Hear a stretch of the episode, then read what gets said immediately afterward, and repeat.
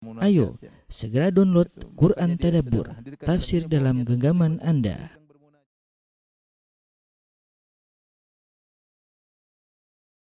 Bismillahirrahmanirrahim. Assalamualaikum warahmatullahi wabarakatuh. Alhamdulillahi al-ihsani wa syukru lahu ala taufiqihi wa amtinani wa asyhadu an la ilaha illallah wahdahu la syarika lahu ta'ziman li sya'ni wa asyhadu anna Muhammadan abduhu wa rasuluhu da'ila ridwani. Allahumma salli alaihi wa ala alihi wa ashabihi wa ikhwani. Ikhwan dan akhwat, para pemirsa eh, jamaah Masjid Tarbiyah yang dirahmati oleh Allah Subhanahu wa taala, kita melanjutkan bahasan kita tentang sirah Nabawiyah. Pada pertemuan lalu telah kita selesaikan dari uh, Ghazwatul Ahzab atau Ghazwatul Khandaq, perang Khandaq atau perang Ahzab.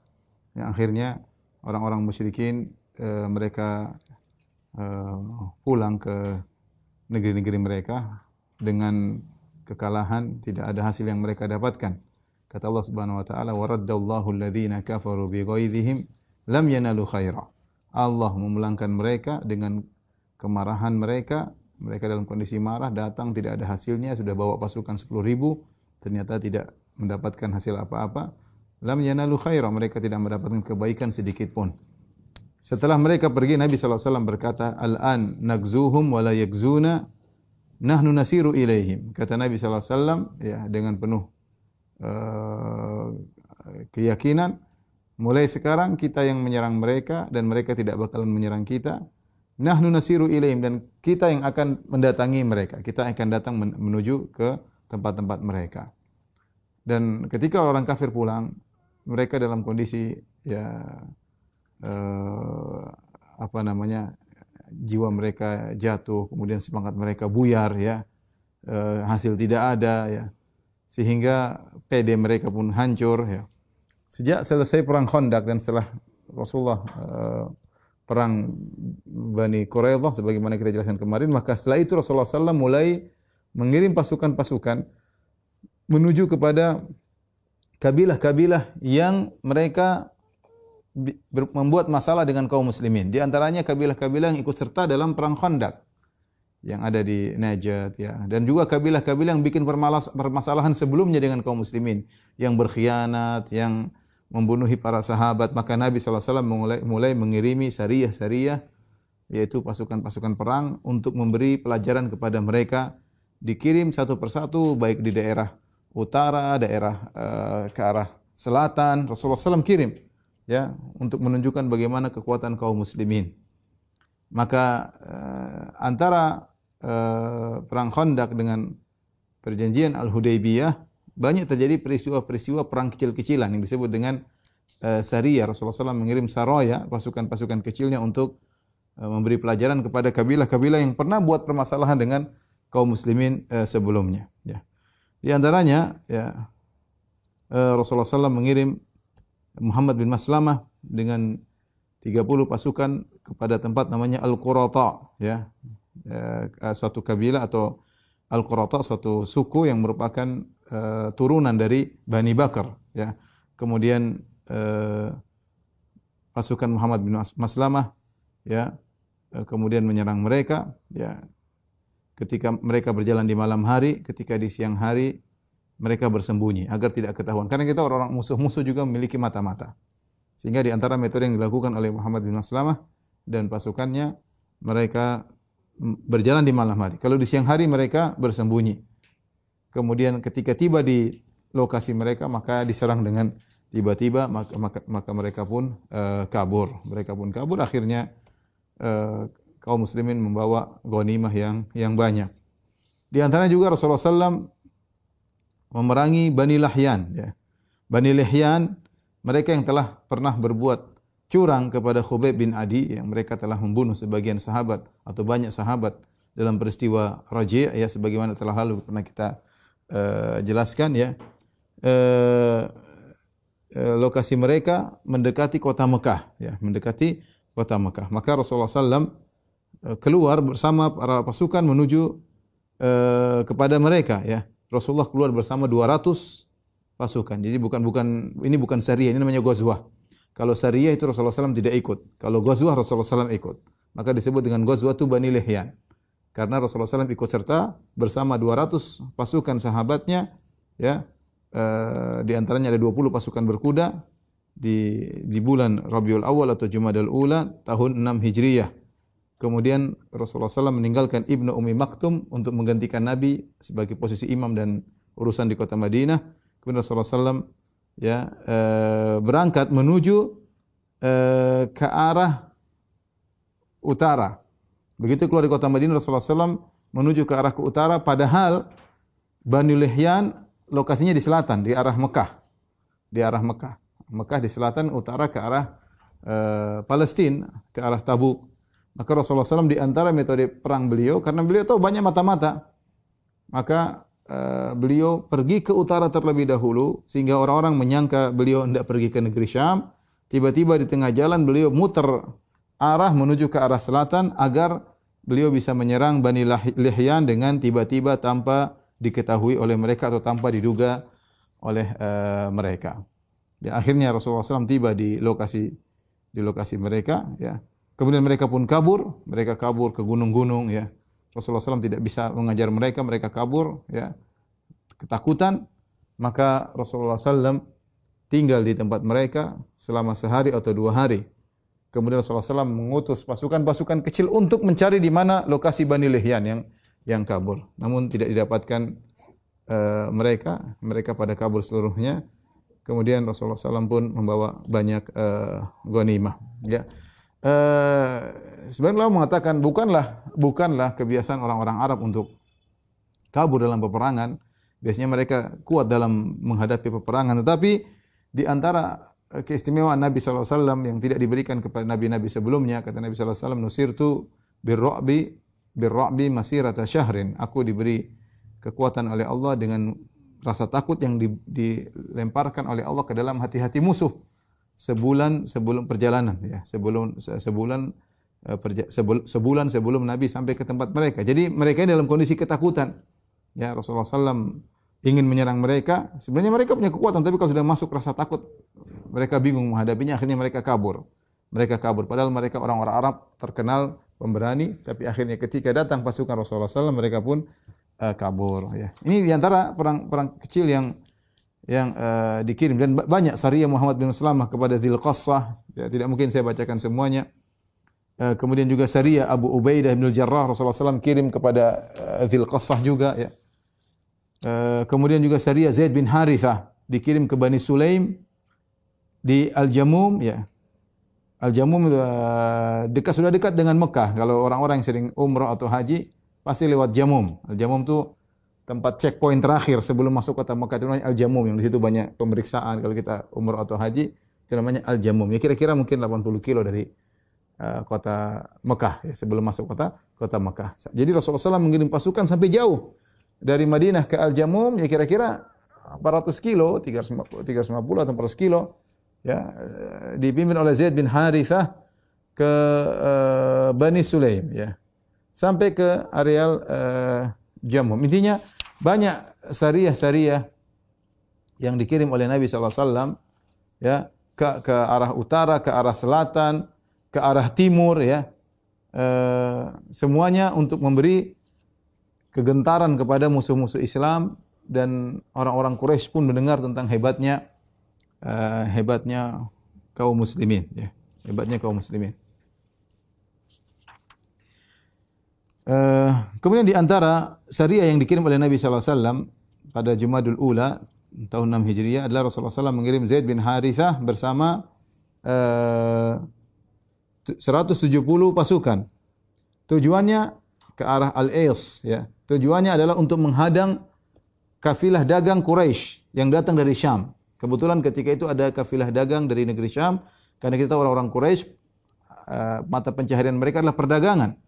Mata pencarian mereka adalah perdagangan. Kemudian kebetulan ada kafilah dagang yang datang dari negeri Syam dipimpin oleh Abul As bin Rabi. Abul As bin Rabi sebagaimana sudah pernah kita sampaikan Abul As bin Rabi adalah uh, suami daripada Zainab.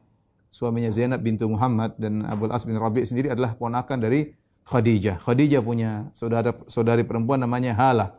Khadijah bintu Khuwailid istri Nabi SAW punya saudari perempuan namanya Halah bintu Khuwailid. Halah ini punya putra namanya Abul As, Abul As bin Rabi. Dan sebagaimana pernah kita jelaskan, Abu As bin Rabi menikah dengan Zainab atas isyarat dari Khadijah bintu Khuwailid. Rupanya kafilah dagang tersebut dibawa oleh Abu As ibn Rabi. Akhirnya Zaid bin Haritha berhasil menghadang kafilah dagang tersebut. Kemudian mereka merampas ya, barang-barang dagang yang dibawa oleh uh, Abu As di antaranya perak yang banyak milik Sofwan bin Umayyah. Sofwan bin Umayyah adalah Sofwan bin Umayyah uh, bin Khalaf. Umayyah bin Khalaf adalah majikannya uh, Bilal yang telah menyiksa Bilal dan telah tewas dalam perang Badar. Punya anak namanya Sofwan bin Umayyah yang dendam kepada Nabi luar biasa karena ayahnya terbunuh dalam perang Badar. Kemudian juga mereka kaum muslimin selain merebut barang-barang dari kafilah dagang tersebut, kaum muslimin juga menawan sebagian mereka di antaranya Abu As bin Rabi. Setelah mereka tawan lantas mereka bawa tawanan tersebut ke kota Madinah, ya.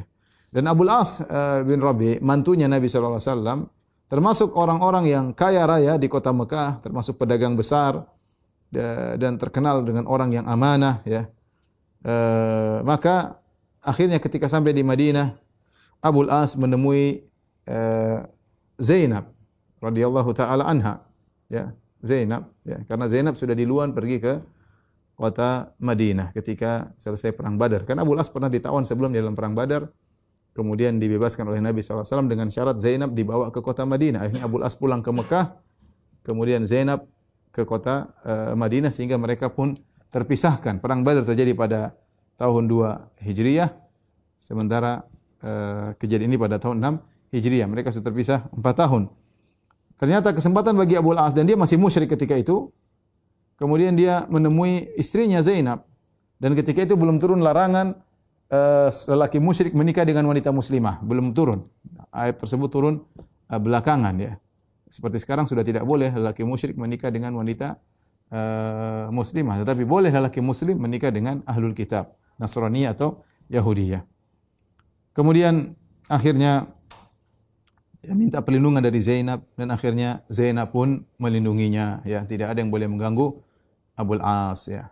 Waktu itu dia masih masih musyrik.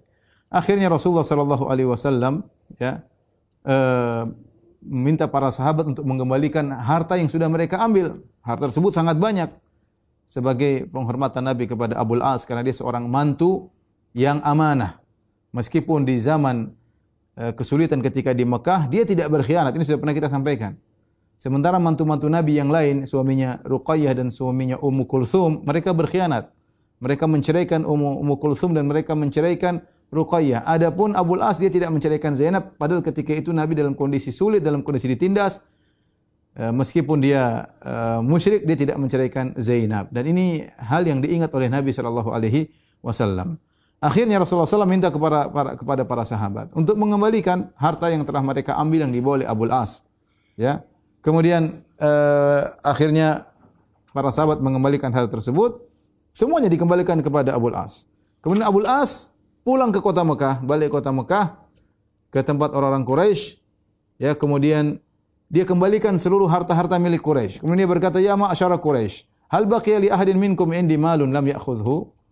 Apakah masih ada orang yang belum ambil hartanya? Kata mereka semuanya, "La, kami tidak ya Abu As." Fajazakallahu khairan. Semoga Allah membalas engkau dengan kebaikan. Waqad wajadnaka wafiyan kariman. Kami dapati engkau adalah seorang yang setia, yang menunaikan amanah, engkau yang karim, engkau yang seorang yang uh, mulia. Ketika mereka memuji Abu As, saat itu Abu As berkata, "Asyhadu an la ilaha illallah wa anna Muhammadan abduhu wa rasuluh." Aku bersaksi bahwasanya tidak ada sembahan yang berhak disembah kecuali Allah dan Muhammad adalah utusannya dan rasulnya. Ya. Dia masuk Islam di depan mereka, ya. Wallahi ma mana'ani minal Islam indahu illa takhawufu an tadhunnu anni innama aradtu an akula amwalakum. Saya sebenarnya mau masuk Islam di sejak di Madinah. Tapi saya khawatir kalau saya masuk Islam di sana kalian menyangka saya akan makan harta kalian. Makanya saya kembalikan dulu. Kalau saya sudah kembalikan dulu, maka saya umumkan kepada kalian aslam tu aku sudah masuk Islam ya. Kemudian dia pun pergi menuju Nabi sallallahu alaihi wasallam menuju kota uh, Madinah di bulan Muharram di awal tahun 7 Hijriah. Uh, taib. ini di antara kejadian uh, antara Ghazwat Khandaq dengan Hudaybiyah ya. Abul As ketika menikah dengan uh, Zainab mereka punya anak dua di antaranya namanya Ali dan Ali meninggal dunia ya. Kemudian di antaranya Umamah ya. Umamah inilah yang dalam hadis Nabi sallallahu alaihi wasallam gendong dia ketika Nabi sedang salat. Umamah bintu Abil As. Rasulullah SAW salat Nabi SAW sholli wa huwa hamilu Umamah sambil menggendong Umamah. Kalau Nabi sujud Nabi letakkan Umamah. Kalau Nabi bangun Nabi gendong lagi apa? Uh, Umamah ya. Namun tidak ada keturunan dari Ali maupun Umamah yang meneruskan silsilah Nabi sallallahu alaihi wasallam. Bahkan disebutkan uh, ketika Fatimah radhiyallahu taala anha meninggal dunia, Ali bin Abi Thalib menikahi Umamah. Umamah bintu Abil As, tetapi juga tidak ada keturunannya dan akhirnya meninggal meninggal dunia ya.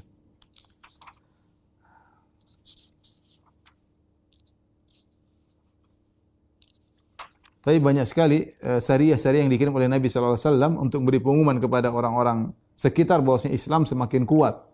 Ya, pamornya semakin kuat, haibahnya, ya, karismatik Islam semakin bersinar, orang-orang musyrikin mulai gentar, orang-orang Quraisy mendengar Rasulullah SAW mengirim pasukan ke sana kemari, ya kemudian mental mereka sudah hancur sejak kalah dalam perang Khandaq ya di antara syariah yang yang yang yang penting untuk kita ceritakan adalah syariah Abdullah bin Atik yang dikirim oleh Nabi SAW untuk membunuh Salam ibni Abil Huqaiq. Siapa Salam ibnu Abil Huqaiq? Salam ibnu Abil Huqaiq ini adalah uh, termasuk pembesar dari Bani Nadir bersama Huyai bin Akhtab. Huyai bin Akhtab bapaknya Sofiyah. Yang keduanya Salam ibnu Abil Haqiq, Huqaiq, ya. Uh, dialah yang bersama Huyai bin Akhtab yang memprovokasi orang-orang Quraisy untuk menyerang kota Madinah dalam perang Khandaq. Dia, dia juga. Dia memprovokasi orang-orang Quraisy, memprovokasi kabilah-kabilah untuk menyerang kota Madinah. Di antara penyebab terjadi perang Khandaq adalah provokasi Salam ibnu Abil Huqaiq. Huyai bin Akhtab sudah tewas ya dalam perang Eh, Bani Quraidah sebagaimana kita sampaikan pada pertemuan lalu. Yang ini belum, maka Nabi harus memberi pelajaran kepada orang ini, ya. Enak saja mereka membuat kekacauan, maka Nabi beri pelajaran kepada ini Yahudi. Salam Ibn Abil Huqaiq, ya. E, seorang Yahudi. Maka Rasulullah SAW e, mengirim sahabat Abdullah bin Atik untuk membunuhnya, ya.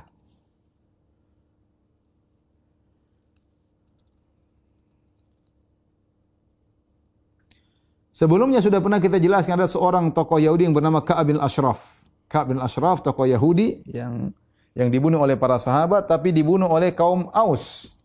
Jadi kaum Aus dari uh, kaum Ansar. Kaum Ansar terdiri atas suku Aus dan suku Khazraj. Suku Aus dari suku kaum Ansar membunuh tokoh Yahudi yang bernama uh, Ka'ab bin Ashraf. Maka suku Al-Khazraj ingin menyaingi suku Al-Aus. Mereka ingin punya jasa kepada Islam. Kata mereka, kalau kalian sudah membunuh Ka'ab bin Ashraf, kami ingin membunuh Yahudi yang lain. Salam bin Ibnu Abil Huqaiq. Ya, maka mereka minta izin kepada Nabi SAW agar mereka lah yang akan menjalankan tugas membunuh Salam Ibnu Abil Huqaiq. Maka keluarlah Abdullah bin Atik radhiyallahu taala anhu bersama enam orang dari suku Khazraj untuk membunuh Salam bin Abil Huqaiq. Enam orang tersebut adalah Abdullah bin Atik, Abdullah bin Utbah, Mas'ud bin Sinan, Abdullah bin Unais, Abu Qatadah dan Khuzai bin Aswad radhiyallahu taala anhum ajma'in. Kemudian Rasulullah SAW menjadikan Abdullah bin Atik sebagai pimpinan dari syariah tersebut, pasukan kecil tersebut. Dan Nabi menasihati mereka, jangan sampai kalian bunuh anak-anak di sana, jangan sampai kalian bunuh perempuan. Ada aturan-aturan adab dalam ber, ber, berjihad, dalam berperang. Ya, maka uh, dan Salam bin Abil Huqaiq ini lokasinya di Khaybar. Dia tinggal di Khaybar. Karena setelah Bani Nadir diusir, mereka kabur ke Khaybar. Khaybar kira-kira 170 180 dari kota Madinah sebelah utara kota uh, Madinah. Akhirnya mereka masuk ke dalam benteng Salam bin Abil Huqaiq. Jadi dia punya benteng ada di, di Khaybar itu kalau tidak salah ada sembilan benteng ya. Di antaranya satu satu benteng milik dia. Yang mau masuk ada gerbangnya dikunci, kalau sudah malam dikunci tidak ada yang bisa masuk. Akhirnya para sahabat enam orang ini mereka menunggu sampai waktu menjelang maghrib. Ketika uh, menjelang, sudah matahari sudah terbenam dan orang-orang sudah pada pulang dari penggembalaan, sudah masuk ke benteng kembali. Tadinya mereka menggembalakan unta-unta mereka, kambing-kambing mereka di luar benteng, kemudian mereka masuk kembali. Abdullah bin Atik berkata kepada para sahabatnya, "Ijlisu makanakum, kalian tunggu di sini. Fa inni muntaliqun mutalattifun lil bawwab, la'alli an adkhul." Saya akan berusaha bersikap lembut di depan depan orang penjaga gerbang. Siapa tahu saya bisa masuk. Akhirnya dia pun mulai berjalan pelan-pelan menuju pintu gerbang benteng eh, Salam bin Abil Huqaiq. Kemudian dia menutup wajahnya dengan eh, bajunya seakan-akan dia ada apa namanya? Seakan-akan dia buang hajat ya. Orang-orang sudah pada masuk. Tiba-tiba penjaga gerbang berkata, "Ya Abdullah, wahai fulan, in kunta turida turidu an tadkhul fadkhul." Kalau kau ingin masuk, masuk. Fa inni uridu an ughliqal bab. Saya ingin kunci pintu, mau masuk, masuk. Maka Abdullah bin Atik kesempatan dia pun masuk. Fakaman tu saya pun sembunyi setelah saya masuk, saya sembunyi diam-diam. Tatkala orang-orang sudah masuk semuanya, dia pun kunci pintu. Penjaga gerbang tadi kunci pintu. Kemudian dia meletakkan kunci-kuncinya di suatu tempat dan diikuti oleh uh, Abdullah bin Atik. Ya. Setelah orang itu pergi, mulai diambil kunci tersebut. Diambil kunci tersebut, ya.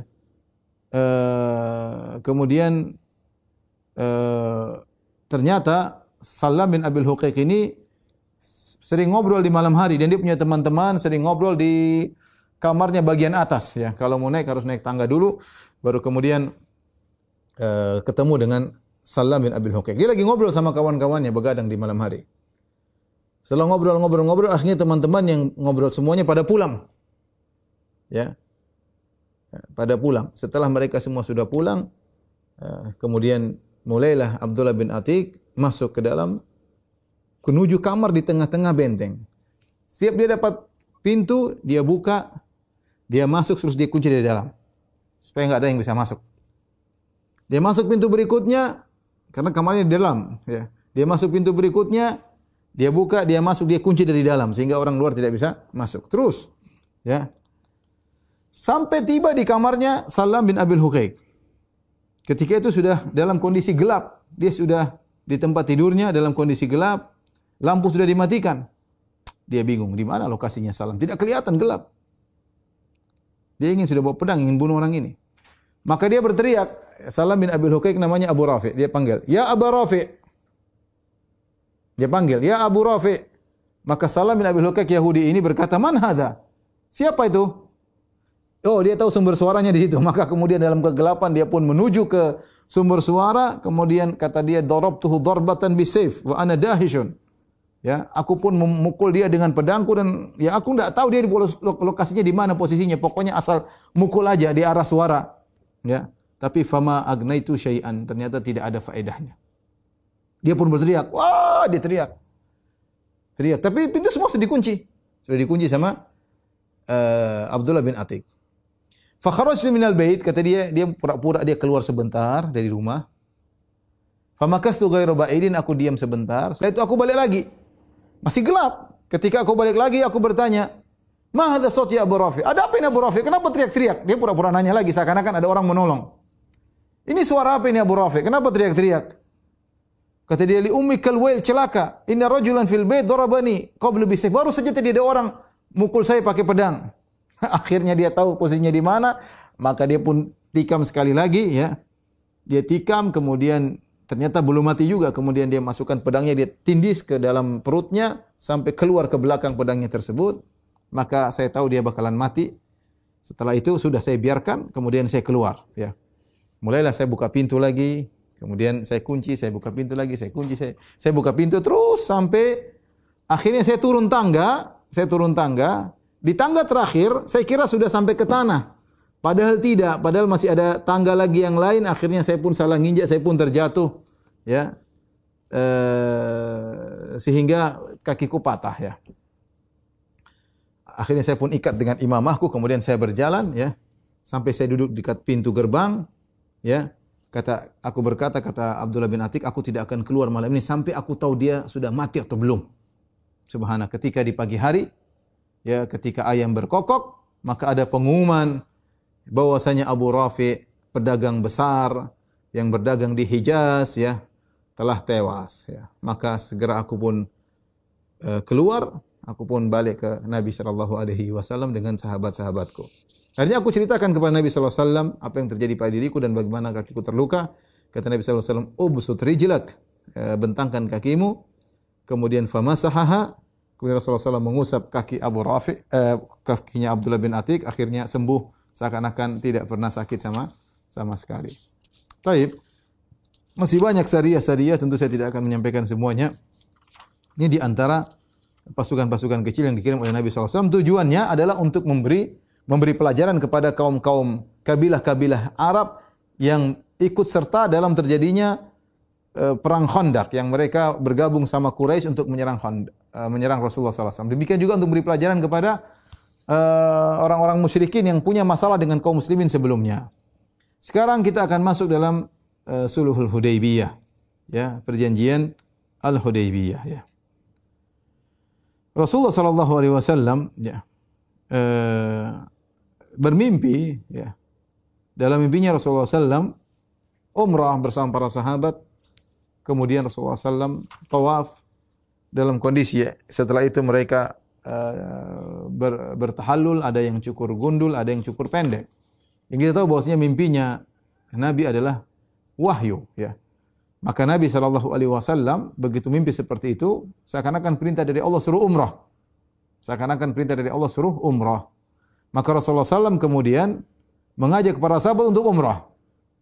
Biasanya Rasulullah SAW ya Eh, bermusyawarah dengan para sahabat. Tapi ini Rasulullah SAW mimpi.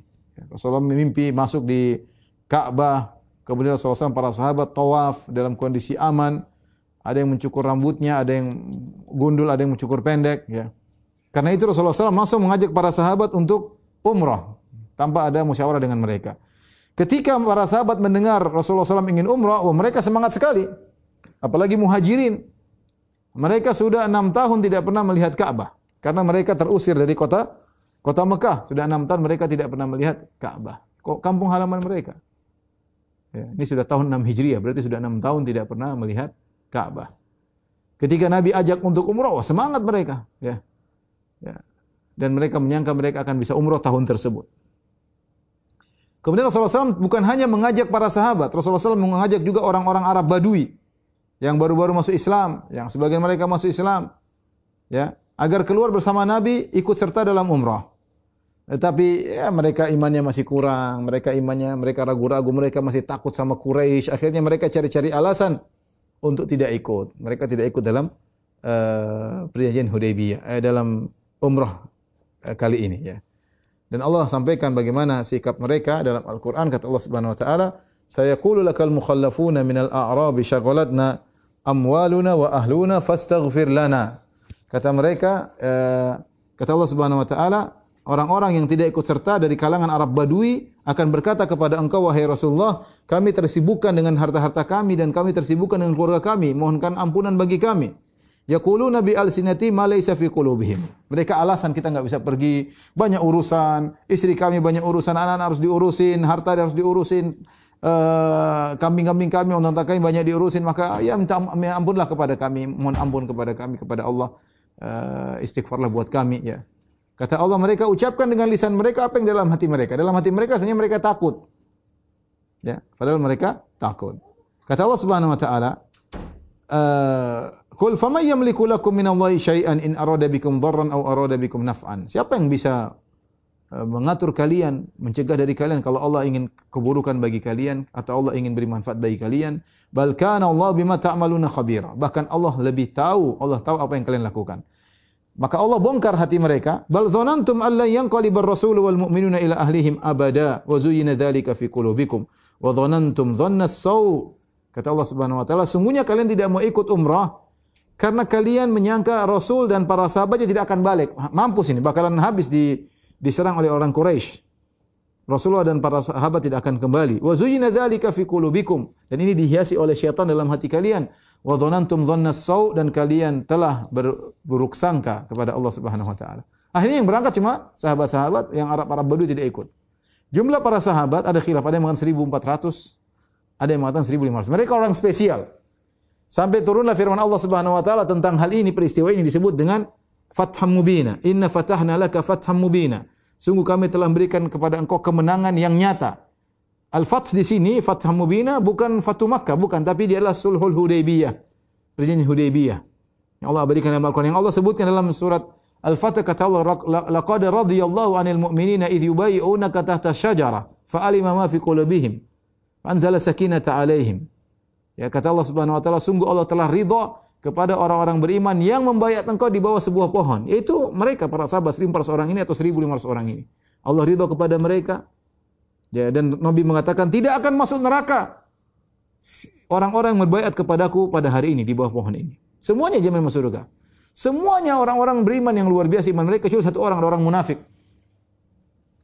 Ya, saya lupa kalau tidak salah namanya Jad bin Qais atau siapa. Dia munafik yang ikut serta dalam pasukan tersebut. Tapi sisanya semuanya 1400 orang atau 1500 orang atau 1500 orang semuanya dijamin masuk surga.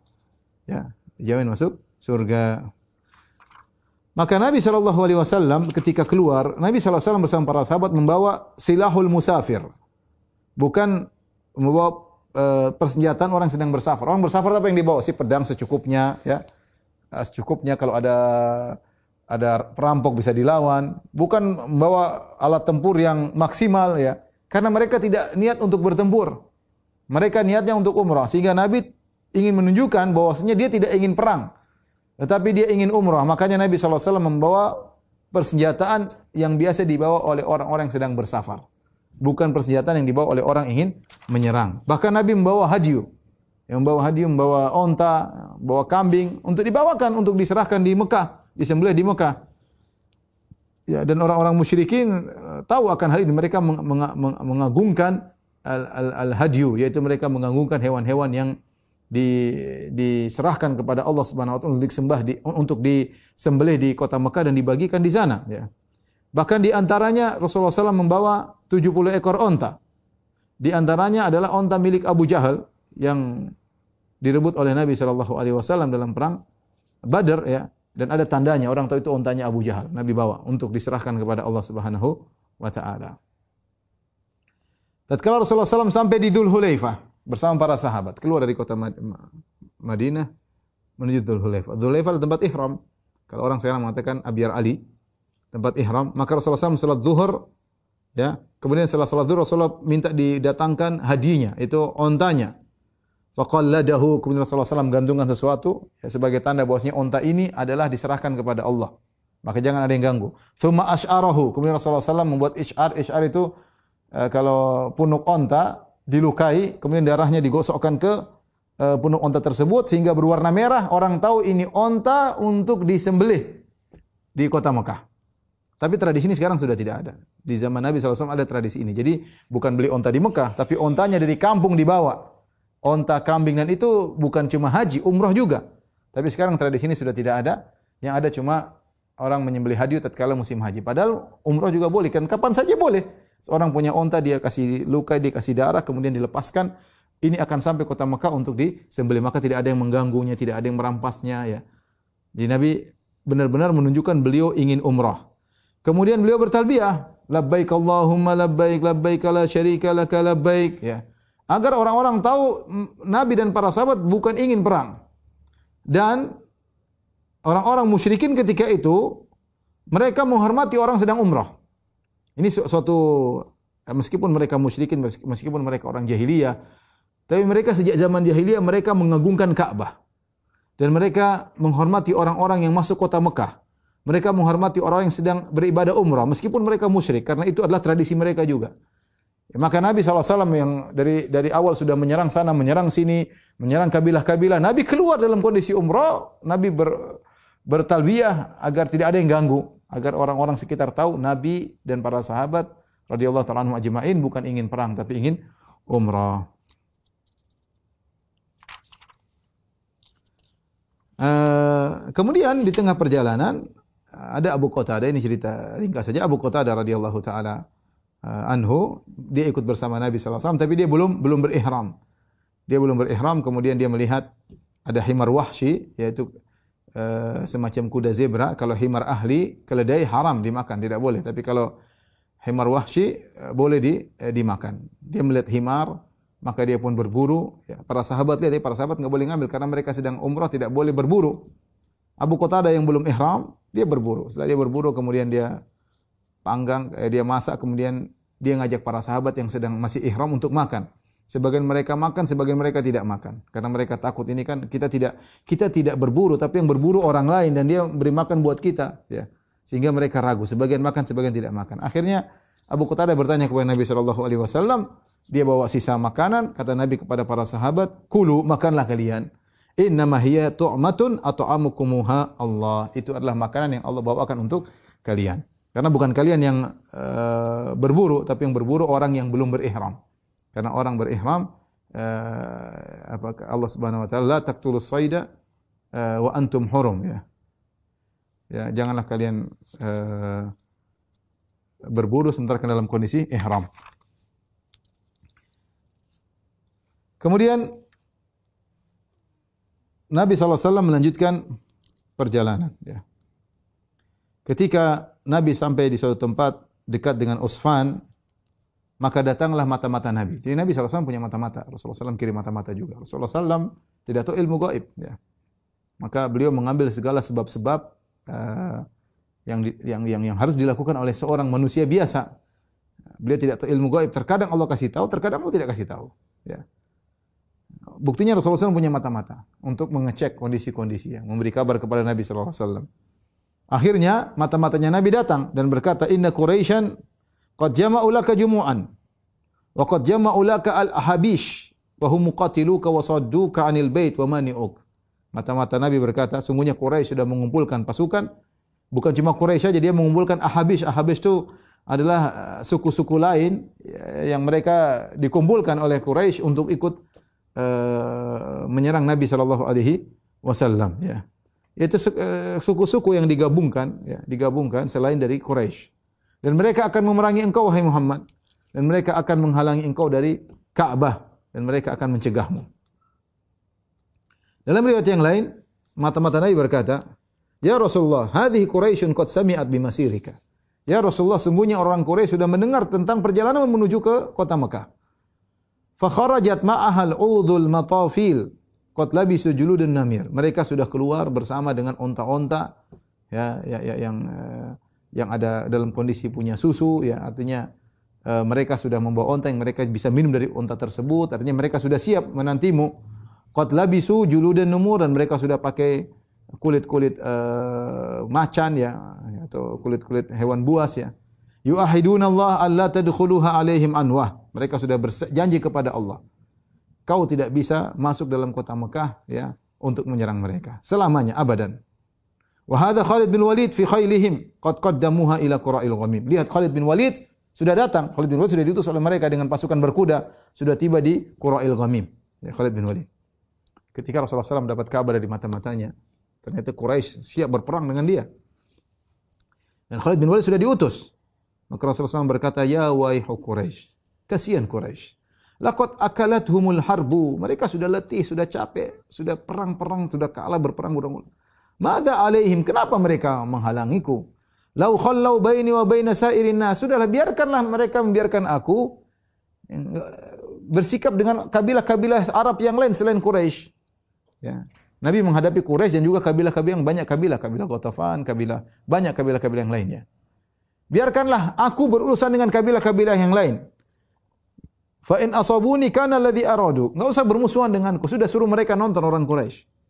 Biarlah aku berperang lawan suku-suku yang lain yang uh, bermusuhan denganku. Kalau ternyata aku kalah, bukankah itu yang menyenangkan mereka? Sudah mereka nonton saja. Wa in adharani Allahu alaihim dakhalu fil Islam wa hum wafirun. Kalau uh, mereka kalah, aku yang menang, ya.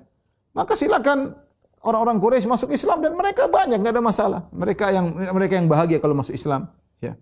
Wa in lam yaf'alu qatalu wa bihim quwwah. Kalau mereka tidak mau masuk Islam, ya sudah berperang lawan aku dan mereka punya kekuatan. Famada tadhunnu Quraisy? Ya. Apa yang disangkakan oleh Quraisy? Wallahi inni la azalu ujahiduhum ala alladhi ba'athani Allah lahu hatta yudhhirahu Allah lahu aw tanfaridu hadhihi salifah. Kata Nabi, apa yang dipersangkakan oleh Quraisy dariku? Demi Allah, aku akan berjihad melawan mereka kalau mereka menghalangi terus.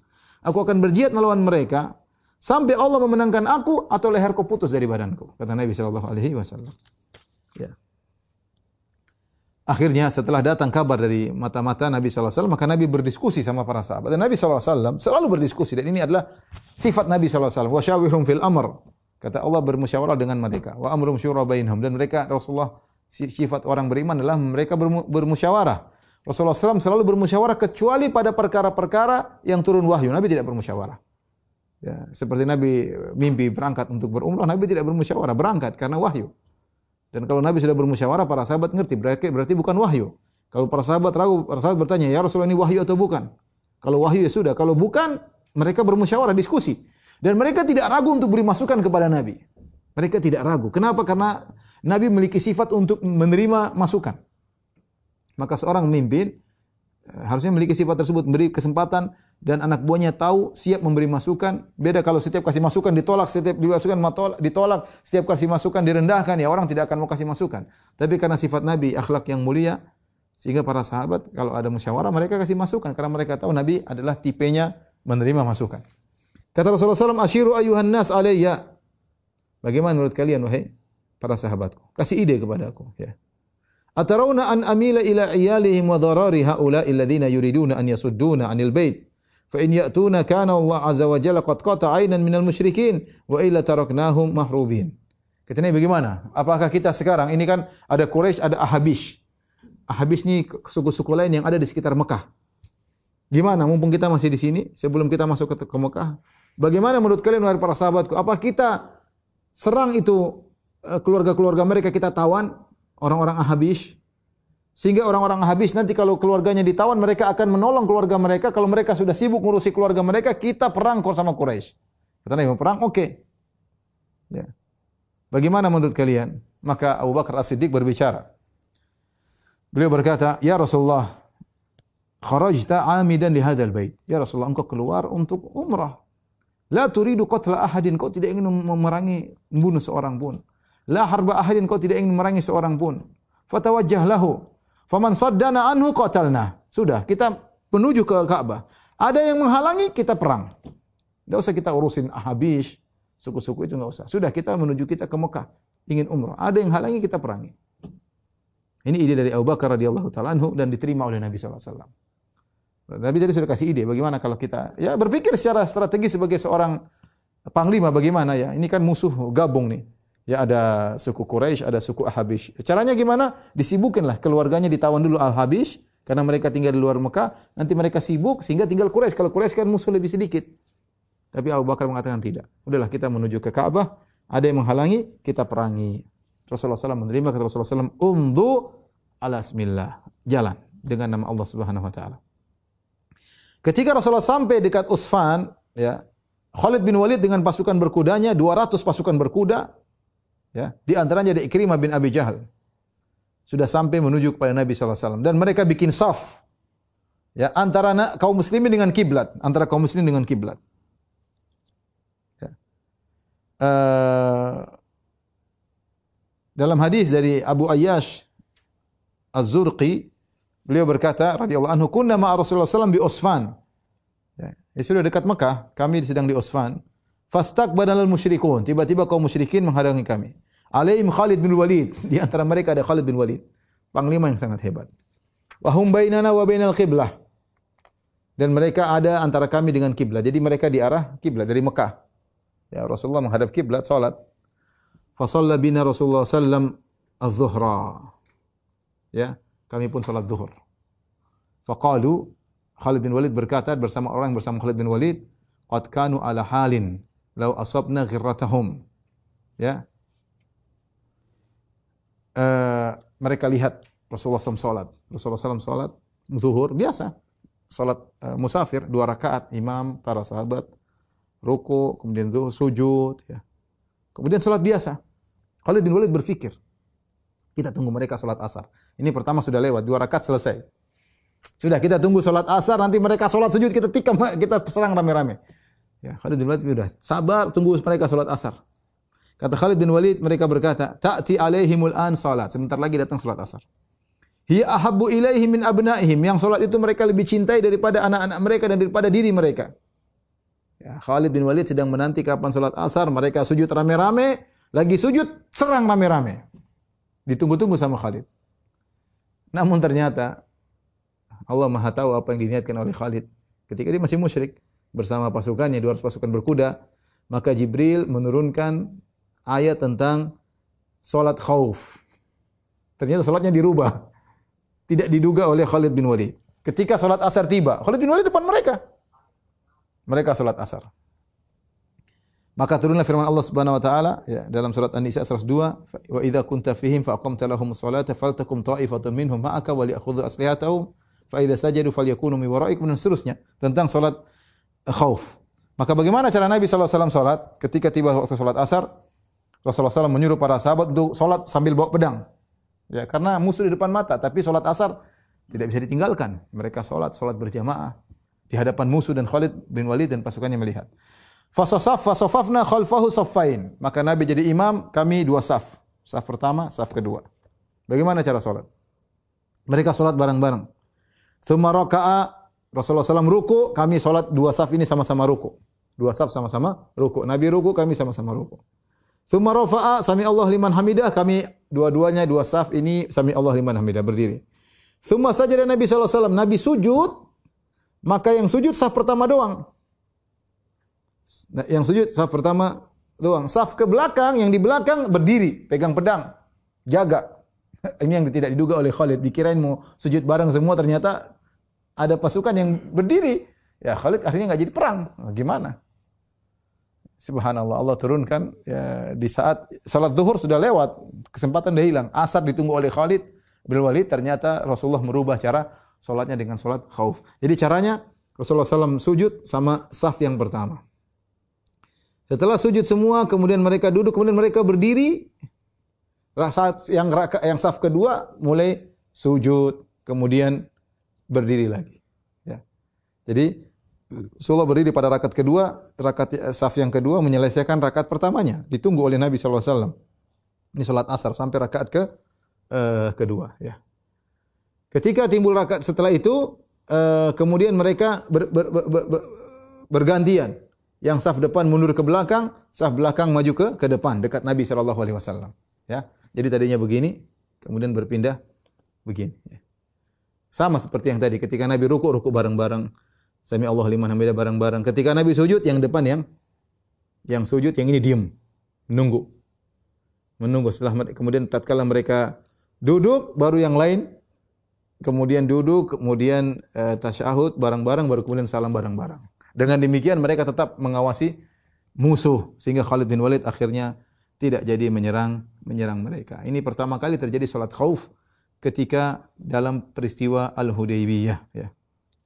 Tentu cara-cara salat khauf banyak sekali ya, datang dalam banyak uh, riwayat ya. Tapi di antaranya tadi yang saya sebutkan. Kemudian Rasulullah SAW melanjutkan perjalanan ya. Rasulullah SAW mengatakan siapa yang bisa menunjukkan jalan lain ya.